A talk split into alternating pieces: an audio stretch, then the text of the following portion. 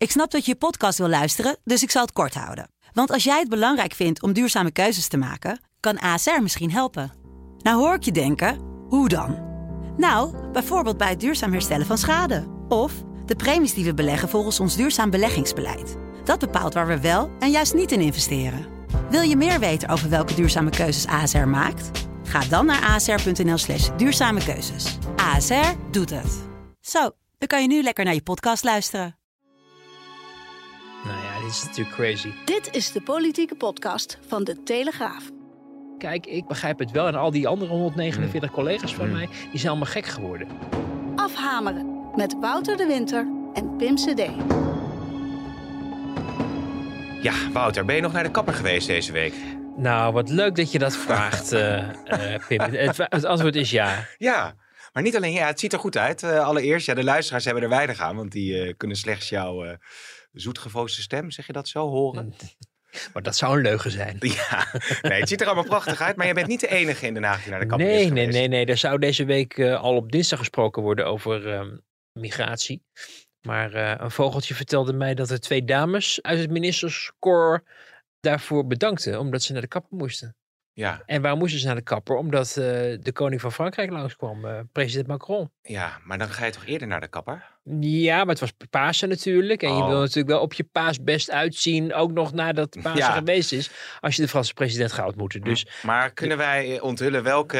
Ja, je, dat kun je natuurlijk ik destilleren begreep uit, eh, Carola en Kajsa. Oh. Schouten en Ollongren. Terwijl ja, ik wil er niet heel ver op doorgaan, maar eh Carola Schout heeft haar eigenlijk altijd vrij ja, eh, eenvoudig, toch? In een staart. Ja. Of, nou ja, goed. Ja, maar ja, ja. Nou ja, dat allemaal zeggen we dan geheel terzijde. Ik zal het één keer aanhalen in deze heeft, podcast. zei dat nou? Ze heeft haar haard altijd in de staart, zei dat nou echt? Wat is dat niet zo? ja, dat, eh, dat, dat, Nou, ik weet niet wat het zo is, maar het Nou, je hebt wel best die, wel... die, die, eh, geweldige, die geweldige foto van eh, Carola Schouten ook bij een eerdere crisis in het kabinet. Dat ze zo buiten een, een sigaret stond eh, te roken. Kun je Ja, voor de geest dat halen? klopt. Dat was echt een fascinerende plaat eh, was dat. ja, nou ja, het is een hele slimme minister. Zeker. En eh, was ook altijd een goed Kamerlid. En ze is. maar ze straalt wel altijd uit alsof ze het, het leed van de hele wereld op haar schouders torst. Vind je niet? nou ja, goed. nou, niet altijd, maar wel vaak. Ja, nou ja, Nou, oké. weet Ehm. Het is donderdagmiddag, dus we zijn in een iets soepeler nemen- bui dan we normaal We nemen zijn. het iets eerder op. Dat komt ook door mijn agenda van deze vrijdag. Ik moet naar de kapper. Nee hoor, dat, dat helemaal niet. Dan moet ik ook nog vermelden dat er natuurlijk een reces aankomt. Dat wij als altijd rekening houden met de politieke actualiteit. Mocht er iets groots gebeuren, dan zijn we er sowieso wel. Of houden we daar rekening mee in Mhm. onze uitzendingen. Maar mocht het nou een rustige eh, periode zijn, dan kunnen we misschien weer kijkers- of luistervragen, excuus, beantwoorden. 1 en 2 CD. Ja, inderdaad. Ik ben helemaal aan de alleen Maar- maar aan televisie. als? Ja, als, als mensen eh, vragen hebben over de politiek, hoe het allemaal gaat. Vorige keer is dat zeer goed bevallen. Ja. Goede vragen binnen. ja. Dan kunnen ze dat sturen naar Wat een, verrassend, podcast.telegraaf.nl. wat een verrassend e-mailadres. Ja, Podcast.telegraaf.nl oké. Zullen we dan maar eh, over het... En dat doen we actuele- dus, dat is dus niet al volgende week dan, maar we gaan ze wel verzamelen en dan gaan we misschien wel al, al eind volgende week of in het reces een beetje opnemen. Omdat dat reces duurt twee weken en de tekenen nu zijn dat het redelijk rustig politiek belooft te worden. Je weet het tegenwoordig nooit meer, maar Nee. ehm, dan, dan hebben we in ieder geval een buffer. Ja, en onze luistervrienden die willen wij natuurlijk op hun wenken bedienen. Asiel, Dat is, oh sorry, wat wenken? nou nee, luistervrienden. Luistervriendjes was toch van Wil Wilbel, toen Ja. van Wil Wil Luikinga met het postcodespel. Nou ja, goed. Zullen Sorry we, hoor. Ja, dat is voor, ook voor de oudere luisteraars is dat volgens Ja. mij. Hè? Ja. Eh, maar laten we het over asiel hebben. Want eh, ja, dat begint toch allemaal wel urgent eh, te worden. De berichten over de hogere toestroom in 2023 komen binnen. Ik kreeg het bericht, zag ik dat er al 1900 asielzoekers in Ter Apel zit. Er is plek voor 2000. Nou zijn, is er wel een buslijn geloof ik naar Breda... waar dan ook weer 500 asielzoekers kunnen worden opgevangen. Maar het lijkt erop alsof het urgente problematiek is. Heeft het kabinet ook een urgente oplossing hiervoor? Nee, en dit is dus een typisch geval dweilen met de kraan open. Het is niet verrassend dat deze cijfers eh, maar blijven stijgen. We hebben daar in afgelopen ehm, ja, begin van de winter, eind van het najaar, hebben we daar toen ook al de, de toenmalige cijfers en de, en de verwachtingen over eh, gepubliceerd. En eh, nou ja, deze week was dat dan nog die dan weer het vervolg daarop Hm. doen. En zo heb je elke paar maanden heb je weer een nieuwe prognose. En de trend is, is En dus is het van, twee dingen van belang. Namelijk dat je zorgt dat de toestroom niet verder toeneemt of misschien wordt ingedampt. En, en dat is vooral natuurlijk uh, van belang, dat hier mensen die hier al zijn, of waarvan je met aan zekerheid grenzende waarschijnlijkheid kan verwachten dat ze hier zullen aankloppen, dat daar ook opvang voor is. Hmm. En vooralsnog uh, missen ze tienduizenden plekken. Dus dat wordt een groot drama in het voorjaar. Weer tafereelen als, als Ter Apel zijn daarbij niet uitgesloten, maar vooral de totale stilte als het gaat om een structurele oplossing. Zowel voor het beperken van de toestroom als voor de opvanglocaties die uh, gerealiseerd moeten worden. Blijft uit omdat uh, nou ja, de coalitie uh, druk is met allerlei andere dingen. We hadden het net even gekscherend natuurlijk over dat asieloverleg. Wat dan was uitgesteld op dinsdag. Uiteindelijk is het woensdag plaatsgevonden. Dus dat is op zich natuurlijk 24 uur. Maar het, ik begreep wel dat afgelopen donderdag in de ministerraad, vorige week dus vanwege Goede Vrijdag op donderdag, er ook maar niet al te veel energie en, en gesprekstof aan besteed werd. Omdat iedereen nog zo zagrijnig was van die hele stikstof SHIT.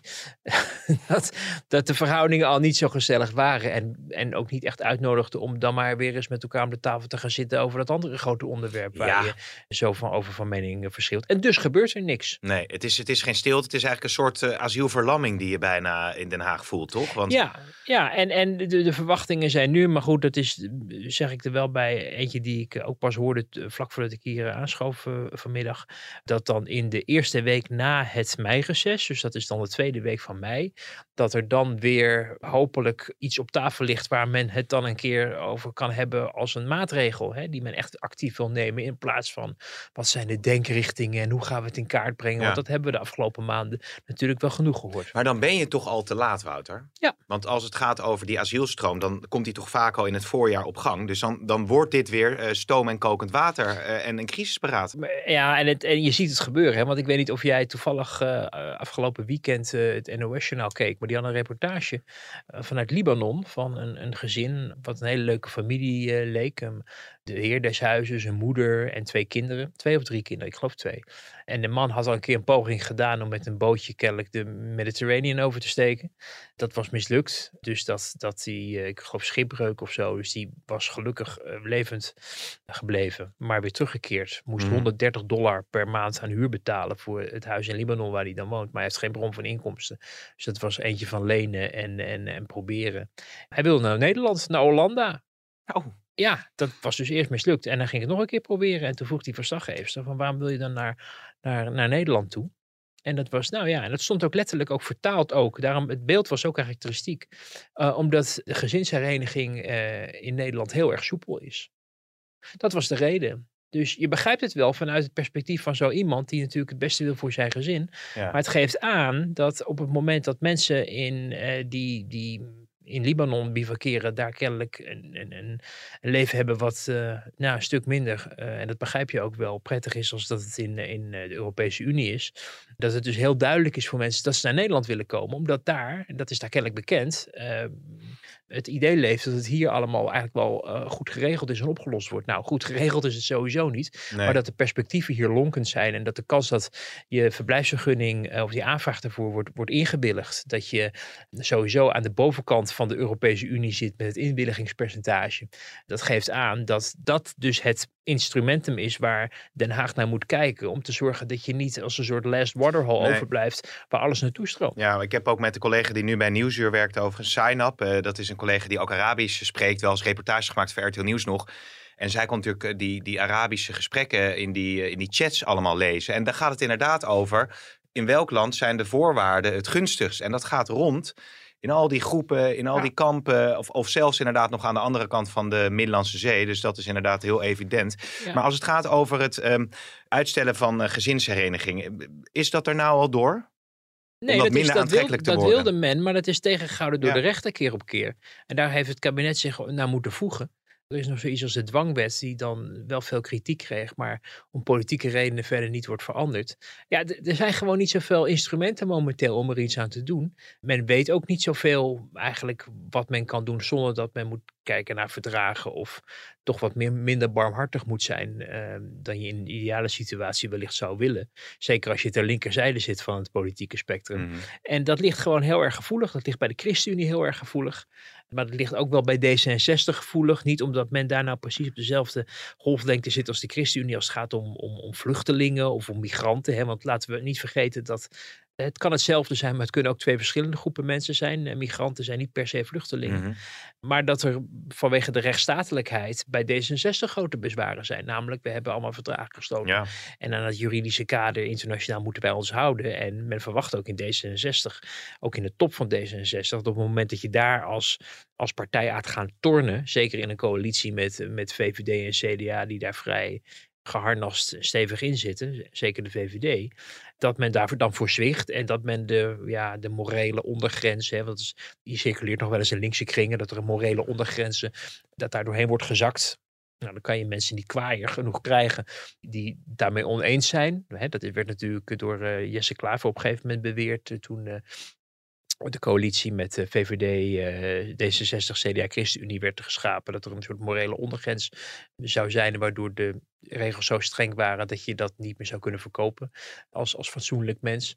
Maar eh, daar wordt wel op gelet in die achterban. En men verwacht ook bij D66 dat op het moment dat je daar eh, stringente maatregelen gaat nemen, dat die achterban zich ook lang niet meer zo koest zal houden als men bijvoorbeeld nu rond stikstof doet. Want we kunnen moeilijk zeggen dat bij D66 de afgelopen weken de opstand is uitgebroken rond dat onderwerp. Dus dat is een, een ding waar men in het achterhoofd rekening mee houdt, waar men ook wel eens onderzoeken van heeft gezien, waar toch wel uitblijkt dat met name de oude garde van D66, de oude achterban, eh, daar moeilijk mee eh, zou hebben. En dus is het wachten tot het uit de hand gaat lopen. Ja. En dat de wal dus het schip gaat keren, zoals we dat de vorige zomer hebben gezien en ook veel zomers daarvoor. Dat de situatie op een gegeven moment zo uit de klauwen loopt dat je naar noodschepen moet gaan grijpen. Proberen de toestroom tegen te houden. Tegelijkertijd in eigen land met die opvang eh, op festivalterreinen en, en dat hm. soort dingen. Nood, noodlocaties moet gaan neerzetten. Ja. ja, want als het over de spreidingswet gaat, uh, waar natuurlijk uh, ja, veel over te doen is geweest, is het ook nog maar de vraag of dat geëffectueerd gaat worden deze zomer. Het ligt wat dat betreft allemaal nogal vast. En iedereen kijkt elkaar ook een beetje aan. En dat is mede het gevolg van het feit dat men rond stikstof ook behoorlijk met elkaar overhoop ligt. Maar ook dat je, ja, je mist wat dat betreft ook leiderschap. Ja, hoe is het met Van der Burg eigenlijk? Want die was toch wel eh, ja, aangewezen om in dit kabinet het asieldossier vlot te trekken. Het was eh, met Anke Broekers-Knol niet gelukt uh, in, in de vorige coalitie.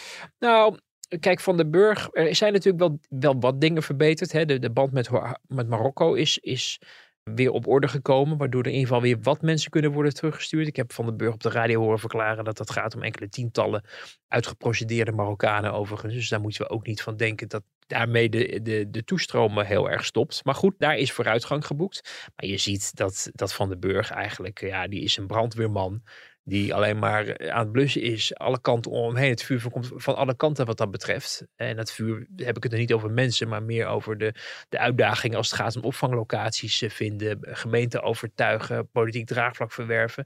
Vergeet niet dat, dat hij zijn eigen fractie ook niet kon overtuigen en dat de premier eraan te pas moest komen om in die fractie een paar woorden aan die dwangwetten te wijden.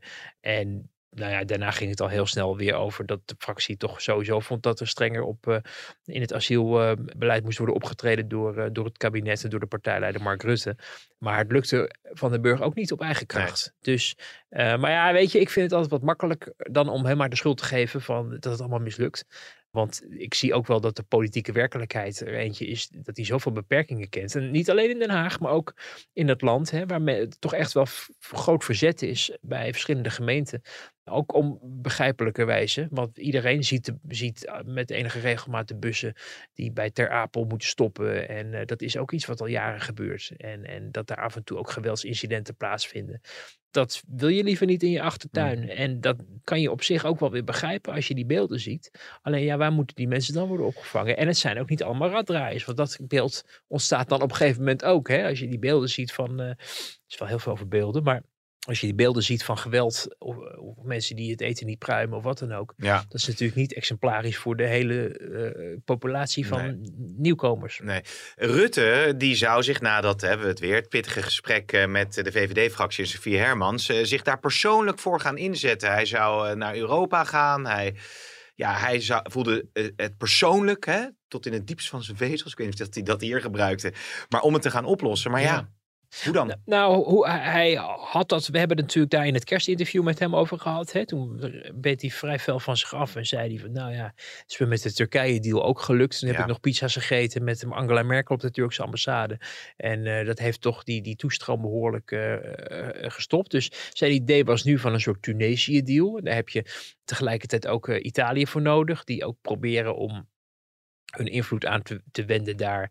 En om te voorkomen dat eh, Italië iedereen maar laat doorlopen, Mm. maar wel blijft opvangen. Maar dan dat het, de oorspronkelijke afspraak van de herverdeling een nieuw leven in wordt geblazen. Hè? Dus dat mensen zich wel registreren in Italië en dat vervolgens een even een, naar bevolkingsomvang of, of, of landgrootte een bepaald quotum aan mensen wordt overgenomen, hier naartoe wordt gebracht en hier opvang wordt geboden. Het is een hele ideale situatie waar je, waar je overigens bij vrij hoog in bij andere coalitiepartijen heel veel sceptisch over hoort. Omdat daar wordt gezegd, je kan wel dat zo'n zo'n afspraak maken en misschien helpt het wel wat. Maar als mensen hun zinnen hebben gezet om hier naartoe te komen, dan gaan ze dat linksom of rechtsom ook lukken. En dat zagen we inderdaad in die reportage Ja. van, van, eh, van dit weekend eh, bij de NOS. Dat inderdaad, stel al lei- leidt je schipbreuk, dan ga je het kennelijk nog een keer proberen, omdat je per se naar Nederland wil en niet naar Italië.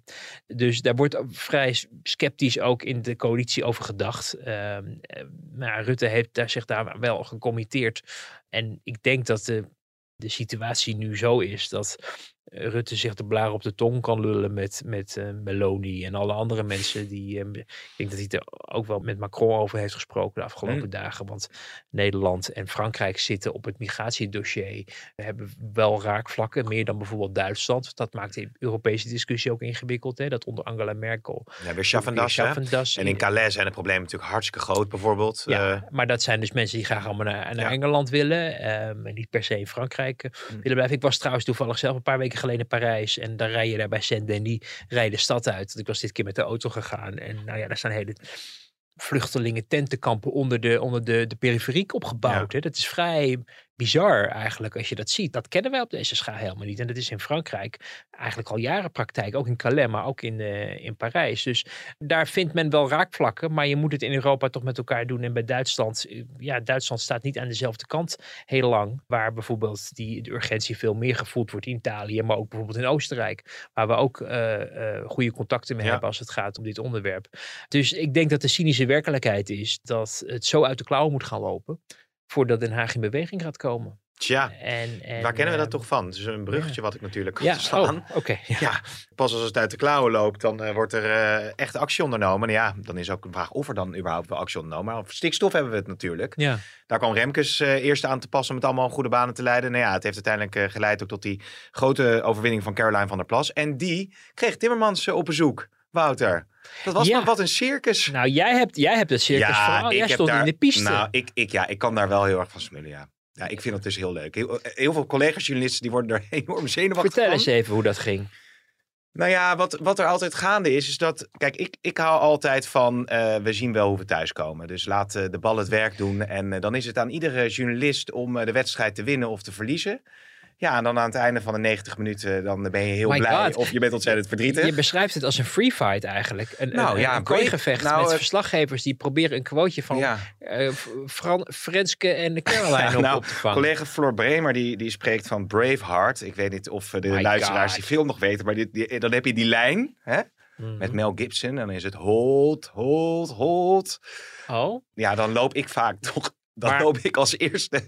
eh, Of als ik überhaupt. Ik, ik hou er gewoon niet van om in zo'n zo'n lijn te gaan staan. maar ik moet je wel zeggen, Ja. Pim, want ik heb natuurlijk, voordat ik commentator en chef werd en zo, was ik, ik ben ook jarenlang eh, voor de radioverslaggever Ja. geweest. Daar rende ik ook achter al die eh, politici aan. Ja. Ayaan Hirsi Ali en Rita Verdonk. God, nou. En, en daar werden Jos Heijmans, Weile Jos Heijmans. Ook probeerde hij nog een keer door een DKDB Ja. tegen de, de lamellen van een of andere vergaderzaal in het oude Kamergebouw werd gesmeten. Dat was best wel oorlog. En nu mag je keurig achter een lijntje staan. En ik weet niet wat. Het lijkt een gebeurtenis die zo groot is als de maanlanding. Wat is Nou ja, dat nou? dat, dat, dat sowieso. Maar op een gegeven moment dan, het laat zich vaak ook niet regisseren. Want ze zouden dan eh, bij de plenaire zaal in de buurt dan hun momentje pakken. Maar uiteindelijk eh, bedacht, ja, die, de boer-burgerbeweging heeft natuurlijk daar ook nog niet zoveel ervaring mee. Dus er werd een beetje overleg van, ja, wat moeten we nou eigenlijk doen? Nou, wij waren live bij de Telegraaf. hè, Ja. Hartstikke leuk. Trok veel eh, kijkers nog. Is dat zo? Ja, was Ja. heel geestig. Mensen vinden dat altijd leuk om te wachten tot er wat gaat gebeuren. Dus toen was het in één keer in een andere zaal. En wij stonden ja, daar natuurlijk, omdat we live waren, al ongeveer te draaien. Dus Ja. wij liepen zo dat interview in. Ja. En ja, dan, dan sta je goed. En dan zijn anderen eh, ontregeld. En er ontbrak ook een soort van, van ruzie uit Maar mag ik toch even advocaat van de duivel spelen? tegen in mijn rug. Ja, Ja. dat, is, dat, dat, dat overleef je natuurlijk ook maar met Tuurlijk. moeite. Nee, Maar- maar, geen probleem. Nee, maar ik zag dat eh, jouw collega van SBS ook bij eh, Vandaag in Site ook zeggen van ja, het was chaos. En dan denk ik, Ja, ja, ik, heb, ik heb niet zoveel chaos ervaren. ik denk bij mezelf, ja, bedoel, het gaat toch uiteindelijk helemaal niet over hoe moeilijk die journalisten het allemaal hebben met hun quoteje. Het Nee. gaat er uiteindelijk om. Wat, er Wat hebben ze gezegd, die Ja. twee? Ja, ja. En hoe is dat daar binnen aan toegegaan? Nou, dat is wel eh, gelukt ook uiteindelijk. Dus het is chaos. Maar ik probeer die chaos ook altijd eh, ja. te parkeren. Maar ik geniet daar dus stiekem wel van. Oké, oké. Ja. Je vindt dat... Het is eh, een leuk, het is een onderdeel van het circus. De, de beveiligers zijn altijd, dat, vind Mhm. ik ook altijd heel leuk om daar een soort van knipoog eh, omgang mee te hebben. hè. Aan de ene kant moeten ze natuurlijk... Is jij knap? zit- Is nee, knap? nee. Ja, jij- aan de ene kant moeten ze de, de orde handhaven. Maar ze zijn ook vaak wel... Ja, Ja. Ze, ze wi- willen ook dat die dag gewoon fijn verloopt. En dat zowel de politici als de journalisten uiteindelijk ja, hebben en- gekregen wat ze en willen. je loopt natuurlijk al een tijdje rond. En eh, we kennen die be- meeste beveiligers van de Kamer ook natuurlijk. Ja, En de meeste zijn ook... eh, super aardige gasten het zijn ook allemaal luisteraars en lezers van ons. Zeker. Het, eh, ja, nee, dat is zo leuk van ons werk. En het is ook leuk als je voor de Telegraaf werkt. Dat je dus heel vaak mensen tegenkomt die, die dan gewoon, als ze vrij zijn, gewoon je stukken lezen. En je podcast luisteren. En, en dat, dat scheelt wel in de omgang, moet ik zeggen. Maar laten we het Maar goed, ik was een beetje over... gebutst. En verder ging het met name inderdaad over de inhoud. Wat Ja. mij eh, opviel, we hebben het daar ook in de, in de video over gehad na afloop. Is dat Caroline van der Plas eigenlijk naar buiten kwam en, en echt deed voorkomen van, ah, weet je, dat stikstof, dat is wel een element. Maar we Ja. hebben ook ganzenpoep. Hè? We hebben ook eh, mountainbikers die Mhm. de natuur schaden. Nou, ik heb dat allemaal verteld aan Timmermans. Heb ik die initiatiefnota. En hij vond het eigenlijk allemaal wel heel interessant. En eh, was, nou ja, kon zich daar, hij noemde het in ieder geval geen sprookjesnota, geloof ik, hè, zoals Tjeerd de Ja. Groot het had genoemd. Maar als je dan daarna met eh, Timmermans spreekt, ja, die zegt toch als eerste stikstof is cruciaal. En Ja. dan zit daar toch heel veel licht tussen natuurlijk. Ja, nou ja, ik, ik, ik, zoals je weet hadden wij, we hadden natuurlijk een gesprek na het gesprek hè, voor, Ja. ehm, voor afhameren video. En mijn conclusie was toch wel een voorzichtige van, nou ja, er wordt in ieder geval met elkaar gesproken. Er wordt naar elkaar geluisterd. Eh, dit hele dossier ademt natuurlijk vooral eh, heel veel loopgraven. En niemand gaat uit het schuttersputje eh, eh, zich opheffen om elkaar de hand te reiken of elkaar te helpen. Dat zie je in, in het kabinet gebeuren, waar men stoïcijns naast elkaar in het kabinet allerlei verschillende meningen heeft over dit onderwerp. En, en dat wordt kennelijk maar normaal gevonden, wat het natuurlijk helemaal niet is. En je ziet het eh, ook in de Kamer, je ziet het rond Caroline van der Plas. Die heeft natuurlijk een enorme verkiezingsoverwinning eh, behaald, echt historisch. Daar zit een, een eurocommissaris die weliswaar zich kandideerde voor de PvdA-lijst destijds. Maar als eurocommissaris niet echt gekozen is. Hè? Het is niet zo dat wij naar de st- stembus mochten voor de eurocommissaris. Maar hij heeft uiteindelijk, bedoel, hij heeft wel een, een mandaat gekregen voor de PvdA destijds. Maar natuurlijk ook een vertegenwoordiger van een partij die, die ook behoorlijk op de grond ligt, nog steeds. En die, die regent, want zo vind ik hem toch zich ook wel opstellen de afgelopen jaren, eh, heeft zich ineens te verhouden met, met iemand met een heel groot mandaat. Een groter mandaat dan hij nog heeft gekregen bij de Europese verkiezingen. En die behoorlijk veel invloed heeft verworven in de provincies en in de Senaat. En de eerste reactie van Timmermans was. Eh, laat hem maar naar Brussel komen, want dan leg Ja. ik het nog wel een keer uit de regels. Een totale regenteske eh, verkeerde inschatting, verkeerde reactie, waar die kennelijk door een aantal goede adviseurs op is gewezen dat het toch op een andere manier moet.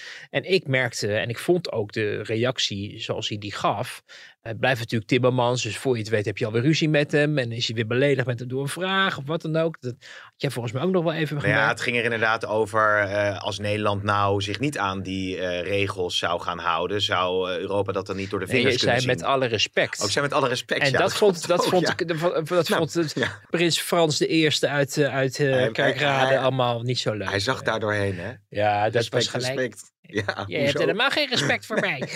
En dan op zijn Limburgs. Ja. Dus, dus dat was allemaal weer dat je denkt, ja, hè, een vos verliest zijn haren, maar niet zijn streken. Hm. Of hij krijgt grijze haren en baardharen, maar zijn streken zijn nog steeds hetzelfde. Maar hij had toch wel in de meeste dingen die hij zei, vond ik wel een goede toon eh, aangeslagen. Je moet jezelf ook niet verloochenen. Je hoeft jezelf, we hebben het hier ook trouwens in de podcast over gehad. Hè. Je hoeft niet te zeggen, oh, we gaan het nu helemaal doen zoals Caroline eh, oppert, want dat kan niet. Je Daar gaat hij ook niet over, nee. Nee, maar je kan wel zeggen, je kan elkaar de hand reiken. Je kan elkaar zeggen, laten we, we luisteren naar elkaar, kijken hoe ver we komen. Nou ja, dit is in ieder geval een begin dat er naar elkaar geluisterd is. Zij vindt het heel belangrijk dat, dat die nota van haar serieus genomen wordt. Ik denk dat het ook terecht is, omdat um, ik zomaar vermoed dat zij dat niet eigenstandig allemaal heeft gefabriceerd. Maar dat daar ook echt wel wat uh, ervaren en ervaringsdeskundige mensen naar hebben gekeken en hebben meegeschreven. Dus wat daarin staat is niet allemaal, allemaal onzin en een sprookje. Dat werd ook door, het, door notabene de stikstofminister ook wel beaamd. Hè, dat er toch wel waardevolle dingen ook wel in stonden. Ik geloof nog niet dat we, op, dat we inmiddels een reactie hebben gekregen. Maar goed, dingen is in februari eh, daar op de, op de mat geploft. En Caroline van der Plas gewoon, uh, ja snel, we hadden het er vorige week ook al over, geraakt wordt door het feit als, als mensen haar wegzetten als ja. uh, het is onzin, het is een sprookje zoals D66 doet. En eerder ook andere mensen natuurlijk ook hebben geprobeerd. Dus soms moet je gewoon het, het gesprek beginnen. En is natuurlijk wel de politicus Frans Timmermans die dan gelijk zegt ze respecteert de Europese wet en regelgeving. Dat haalt hij dan gelijk als winstpunt binnen. Nou, ik ben daarna even nog naar Caroline toe gelopen die een, een kleine sigaret uh, tot zich nam uh, in, in de omgeving van het Kamergebouw. En we hebben gevraagd van hoe zit dat nou? Is dat nou ook jouw conclusie van het mm -hmm. gesprek of heeft hij dat gewoon van gemaakt? En zij zei van nou ja, uh, kijk de wet is de wet. De regels zijn de regels. Het is niet zo dat die ineens niet gelden iets wat bijvoorbeeld Geert Wilders ook altijd wel zegt. Hè? Dat, dat ja. hij het af en toe niet eens is met dingen die besloten worden. Maar op een gegeven moment is het is de law of the land, zoals ze in Amerika zeggen. En dan kan je er wel boos over worden. Maar we leven niet in, in een anarchie. En, en het is ook heel belangrijk, denk ik, dat als Caroline van der Plas nou ja, een solide partij wil zijn. En die ook wat langer verwachtings- en levenspatroon heeft dan een verkiezing dat je je ook wel neerlegt bij de orde die er is in een land, namelijk dat er wetten zijn, daar die je aan te houden. Betekent niet, zei ze, dat ik het daarmee eens ben met die wet, nee. of dat ik niet pogingen ga doen om dat te veranderen. Daarom gaat ze ook in Europa meedoen aan de verkiezingen, omdat ze, ze gaat proberen ook op het Europese toneel te kijken wat er mogelijk is. Ja, ben je één partij vanuit Nederland en heb je een heleboel andere partijen in, uh, in Europa. Waar ja, misschien je... allianties ook nog kunnen sluiten hè, Precies, met uh, andere maar, Europese landen. Maar je moet ergens beginnen. Hmm. Maar, maar hij, is, hij, hij leek een beetje te suggereren van... Uh, ik heb er ingekapseld, want ze is het eigenlijk, erkent ze wat ik al heel lang roep. Dat zou denk ik niet hele correcte weergave zijn van het gesprek het is wel handig als je in ieder geval de spelregels met elkaar hebt vastgesteld. Ja. Voordat je het, het veld op gaat en, uh, en elkaar uh, gaat bespelen, overtuigen um, in dit dossier. Maar weet je, so far so good. Uh, er is iets meer ruimte gekomen, wellicht is iets meer begrip ontstaan. En uiteindelijk, de enige manier waarop je dit dossier oplost, is als je met de mensen die erbij uh, bij betrokken zijn, tot een vergelijk kan komen. Dit dossier wordt niet opgelost als mensen vanuit Den Haag met een uh, dictatoriaal toverstokje zeggen en zo moet het. Ja. En want dan, dan lukt het niet. Dus je moet die mensen nou, erbij betrekken, overtuigen. Sommige dingen zullen oud doen. Soms moet je misschien ook serieus nemen naar ze luisteren. En, ja, maar, maar uh, Van der Plas zegt overigens wel, moet ik, er, moet ik erbij vermelden, dat stikstof in uh, bepaalde natuurgebieden wel degelijk een, een hele grote rol speelt. Hè? Maar ze wil daar een, een nuancering, heeft er alternatieve gedachten over hoe je die crisis waarin we ons bevinden kunt oplossen, dat er weer gebouwd kan worden, et cetera. En weet je, mag ik daar nog één ding aan toevoegen? Ja? Sorry dat ik de hele regie nu overhoop Nee gooi. hoor, dat doe maar. Maar ik, ik sprak ook een, een, doorgaans zeer goed geïnformeerde bron, die ook uh, wel eens spreekt met mensen die dan in de Raad van State zitten en die beslissingen nemen. Als het gaat om wat er allemaal voor ligt. En, en, en uitspraak doen op, op bijvoorbeeld het stikstofdossier, maar het kan ook andere dossiers zijn. En dat ook daar wel is achteraf twijfel is van hebben we dit wel goed besloten? Waarmee ik dus probeer aan te geven dat blijft toch allemaal mensenwerk. En dingen kunnen nu heel stringent zijn en overkomen en uitgelegd worden. Maar als er zelfs op het niveau van de mensen die zo stringent hebben geoordeeld, al af en toe He, alles overziend, de gevolgen die het voor het land ja. heeft, het feit dat de boel op slot staat, dat er geen huizen kunnen worden gebouwd voor nieuwkomers of voor vreemdelingen die hier met z'n 76.000 kennelijk voor de deur komen te staan. Dan geeft het ook maar weer aan dat, dat het niet allemaal, dingen laten zich niet allemaal eendimensionaal verklaren en uitleggen. Je moet soms ook gewoon denken van ja, wat is nog realistisch en wat, wat kan niet. En, en ik denk dat je daar langzamerhand, ook in het kabinet, maar ook wellicht bij de rechtsprekende macht uh, langzamerhand ja. wat toekomt. Want ja. de laatste uitspraak van de Raad van ja, State... die is in het voordeel van het uh, kabinet Ja, die was hè? eentje van... En dat was vrij onverwacht. Ja. En, en um, nou ja, wie weet dat dat soort sentimenten langzamerhand toch een beetje een rol gaan spelen. Dat je af en toe ook naar het haalbare moet gaan kijken. Hmm. En het uitvoerbare in plaats van eh, dat je heel nauw de letter van eh, de wet uitlegt. Die misschien ook iets te stringent eh, is opgesteld. En weet je wie hier nou zo moe van wordt? Want dan moet je daar weer over debatteren. Hè? En dan heb je natuurlijk een premier die dat allemaal meer van zich afschudt. Eh, iedereen schreeuwt door elkaar en het leidt tot irritatie. Even nog een fragment eh, wat we hadden in het debat over de uitslag van de Provinciale Statenverkiezingen. Want Gundogan, die was de day after. nou, maar Nou dat ja. was raar. Laten we even luisteren. Ja. Ik snap heel goed dat het voor het kabinet soms heel lastig is om dingen voor elkaar te krijgen. Maar het omheen gedraai, of zoals ik noem, als een eend die uit het water komt en die dan vervolgens gewoon doet en dan alle druppels vallen van de eend af en de eend is droog en de eend heeft er nergens last meer van. Ja, dat soort politiek is niet mijn stijl. Sorry dat ik niet op mijn best ben vandaag. Ik zit er eh, eh, een beetje doorheen. Nou ja, dit is natuurlijk crazy. Dit werd gewoon, ze had dus een filmpje van zichzelf eh, gemaakt of laten maken. Ergens in, in een soort, ja, tijdens het debat of in de pauze van het debat. Dat lange stikstofdebat. En het ging, we hadden het eigenlijk al vorige week moeten bespreken. Maar ja, toen gebeurde zoveel. Ja. Eh, maar ik, ik zag dit nog terug en ik dacht, ja, weet je, die heeft, ook, die heeft het ook helemaal in de bol gekregen. Dat hadden we natuurlijk al een beetje gezien toen met die hele, het hele circus met Volt. Maar, maar eh, op een of andere manier, en meer mensen hebben dat door die eenpittig zijn, afgesplitste mensen. We hebben het in heel veel vorige eh, kabinetsperiodes ook gezien.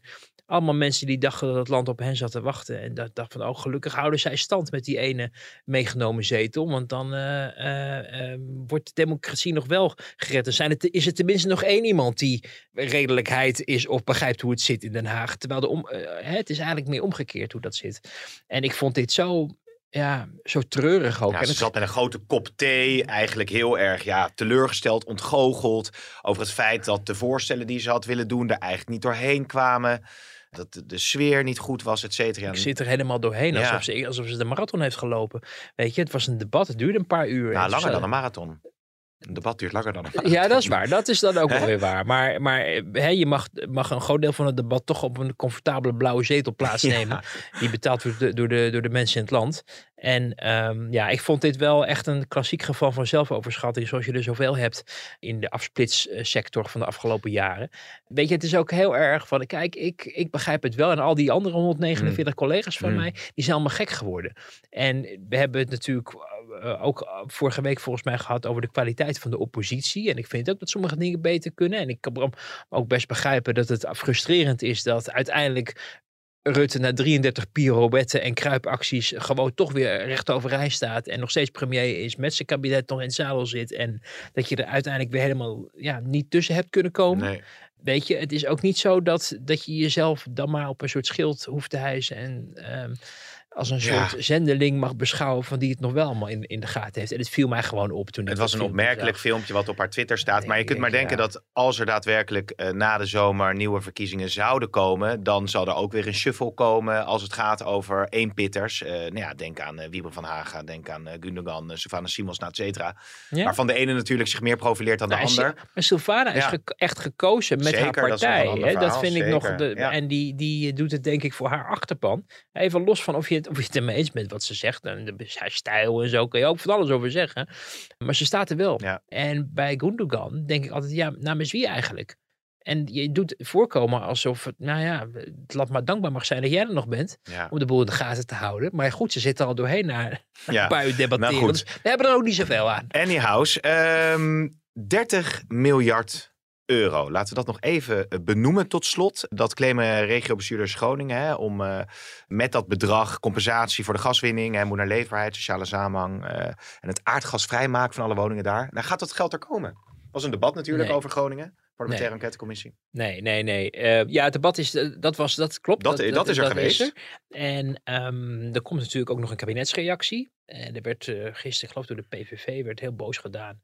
Van waarom is de kabinetsreactie er nog niet? Nou, omdat het eerst aan de Kamer is om het van de enquêtecommissie te horen wat wat zij ervan vinden, Ja. wat zijn hun bevindingen zijn, dat ze vragen kunnen stellen. En vervolgens kunnen ze met dat in de hand naar het kabinet gaan en vragen, wat vinden jullie ervan? Ja, je kan natuurlijk als kabinet ook al eerder met dingen komen. Bijvoorbeeld bij die persconferentie van Rutte was het kritiek op, hè, dat hij zich Ja. te, te weinig erover uitliet en, en eh, zich niet heel erg compassievol leek te gedragen. Maar formeel is het zo dat nou ja, het kabinet het past om een rol in de marge te spelen, totdat de Kamer ook echt, want het enquêtecommissie is een Kamerding. Dus het is door Kamerleden gemaakt voor de Tweede Kamer. Dus dat hoort echt bij de Tweede Kamer. Op het moment dat dat is afgerond, dan is het kabinet weer eh, aan zet. Nou ja, dan, dan zullen we zien wat de reactie van het kabinet gaat worden. Hans Veilbrief, de staatssecretaris van Mijnbouw, is natuurlijk de, ja, de coördinerende bewindspersoon. Heeft veel krediet ook in Groningen, zien we, horen we ook van mensen uit, de- uit de Kamer, maar ook vanuit Groningen zelf natuurlijk. Omdat hij wel duidelijk aangeeft dat het schandelijk is wat er is gebeurd. Dat hij zich probeert hard te maken voor de hersteloperatie. eh, dat hij zich vierkant tegen het maar opengooien van de Groningse gasvelden gooit. Onder, als eh, ja, vanwege geldtekorten Ja. of zo, of prijzen, dat we dat op een of andere manier eh, kunnen, eh, kunnen dempen. eh, op het moment dat we de- het Groningse gas maar weer gaan, gaan aanboren en verkopen. Maar een bedrag van 30 miljard wordt in kabinetskringen totaal niet realistisch geacht. Ik sprak van de week iemand die zei ze hadden ook wel 100 miljard kunnen vragen. Het is eigenlijk anything goes wat dat betreft. Mhm. Waar geld voor wordt vrijgemaakt en zal voor worden vrijgemaakt, is als het gaat om die versterkingoperatie. Dus dat je ervoor kan zorgen dat mensen in goede en veilige huizen wonen. Daar is natuurlijk al veel aan gedaan, maar nog niet genoeg. Daar zijn de, de budgetten ruim voor en ook niet heel erg beperkt aan een bedrag als werk nog niet klaar is. Alleen hangt daar ook van samen, vind maar eens alle aannemers die dat allemaal moeten gaan doen. Hè, dat is dus ook weer zo'n Ja. voorbeeld van de uitvoering. je kan het allemaal wel beloven, maar het moet ook nog gerealiseerd worden. Niet omdat je het niet wil, maar omdat je de mensen moet vinden die het ook echt gaan doen. Die langsgaan bij mensen, die gaan kijken wat de schade is of de, het gevaar is. Nou ja, dat is een proces wat, wat langer duurt dan, dan twee maanden. Misschien te lang inmiddels, maar goed. Er zijn logistieke beperkingen te zijn, ook als het gaat om de uitvoering, zo begrijp ik. Maar dan heb je dus, ehm, dus dat gedeelte, de versterkingsoperatie, en dan vervolgens een soort, ja, wat is het, een ereschuld Ja. inlossen of zo. Nou ja, je merkt dat daar in Den Haag niet zo enthousiast op wordt gereageerd. Men wil wel wat doen, maar als het gaat om een nieuw station bouwen of een nieuw sportcentrum of een, een pretpark. Nou of ja, een, eh, of Rutte een- heeft natuurlijk wel gesuggereerd dat de kloof eh, met het platteland ook te maken heeft met de mindere voorzien, aantal Zeker. voorzieningen die er zijn in bepaalde gebieden. Zeker, maar het platteland is echt groter dan Groningen wat dat betreft. Ja. Hè? Drenthe die kwam er van de week geloof ik ook weer. Die wilde ook nog eh, geld hebben. Want iedereen denkt, ja, dat wordt nu uitgedeeld. Eh, dus Ja. we moeten, moeten... En je snapt het, hè. Maar even met alle respect voor de mensen die, die, die, die daar wonen. En die ook de, de bewindspersonen ontvangen. En zagen dat ze toen wel gingen bewegen. Toen ze zichzelf ook onveilig waren in hun huizen. Maar het is niet zo dat mensen die in Zeeland wonen, of in Limburg, of in Brabant, of zelfs in, in de ghetto-wijken van Amsterdam en Rotterdam, dat daar alles eh, op orde is. Nee. Daar moet ook geld heen. En dat wordt dus gewoon een afweging van belangen, eh, waar je de ducaten heen gaat schuiven. En dat is niet maar, begrijp ik, 30 miljard.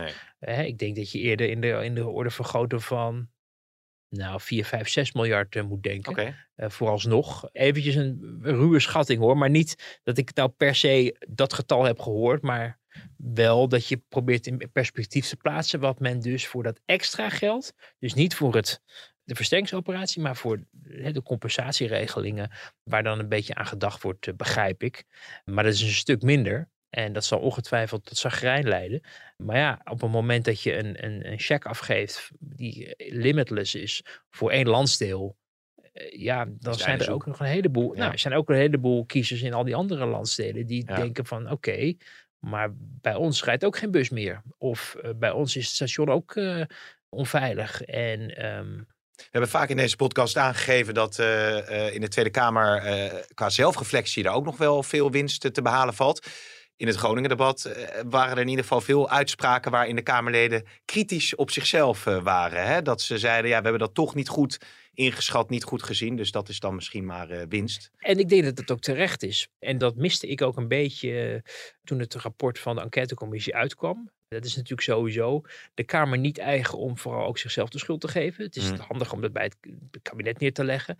Maar het geldt rond, rond Groningen, maar ook rond een heleboel andere dossiers. Heel vaak een medeverantwoordelijkheid van de Kamer. Want een kabinet kan niet zoveel doen zonder dat daar goedkeuring is Ja. vanuit de Tweede Kamer. En er zijn Kamerleden geweest. Ik, ik noem even Sandra Beckerman Ja. eh, van de SP, die, die eh, wat dat betreft een lintje verdient. Of een officierstitel in de orde van de Nederlandse leeuw of zo. Voor al het werk wat zij heeft gedaan. Alleen de SP'ers zijn niet zo van de lintjes en de Nee. koningshuizen. Dus ik weet niet of ze hem accepteert. Maar weet je, dat is iemand die, die echt, ja, echt huilend aan, op het spreekgestoelte Ja. heeft gestaan om aandacht te vragen. En ik herinner me dat, dat ik dat zelf toen ook wel een beetje bijzonder vond. Dat ik dacht, nou ja, ben je wel helemaal, eh, ben je wel helemaal lekker? Met de kennis van nu denk je, ja, ze was heel Ja. erg lekker. Want ze had het, ze Ze had het in de gaten. Ja, zeker. En, en, en dat is dus, die mensen zijn er echt wel geweest. Maar er zijn ook wel een heleboel Kamerleden die het niet hebben gedaan. En trouwens ook journalisten. En wat dat betreft is het goed ook dat zo'n enquêtecommissie er is. Om dat ook te benoemen. In ieder geval zo'n debat. Want ik, ik merk dus dat in het debat wel heel duidelijk ook aandacht kreeg. En bij de enquêtecommissie was het vooral van ja, Rutte had meer moeten doen. Dat ik dacht ja, dat is ongetwijfeld ook waar. Maar het was wel erg eendimensioneel. Ja, Dimensionaal. eendimensionaal. Eendimensionaal. Nou ja, deze podcast is niet eendimensionaal, want luisteraars kunnen dus eh, Ja. meedoen, dames en heren, jongens en meisjes, door eh, eh, politieke Jongens en meisjes ook. Nou, misschien, je weet het niet. Nou, dat mag niet meer binnenkort. Dus geniet er nog maar even van. Heel goed, ja. Nou, mensen, oud en jong, kunnen politieke vragen naar ons sturen, zoals ik aan het begin van de podcast al zei. En sowieso zijn we de volgende week weer met een nieuwe afhamer. Tot dan. Jo.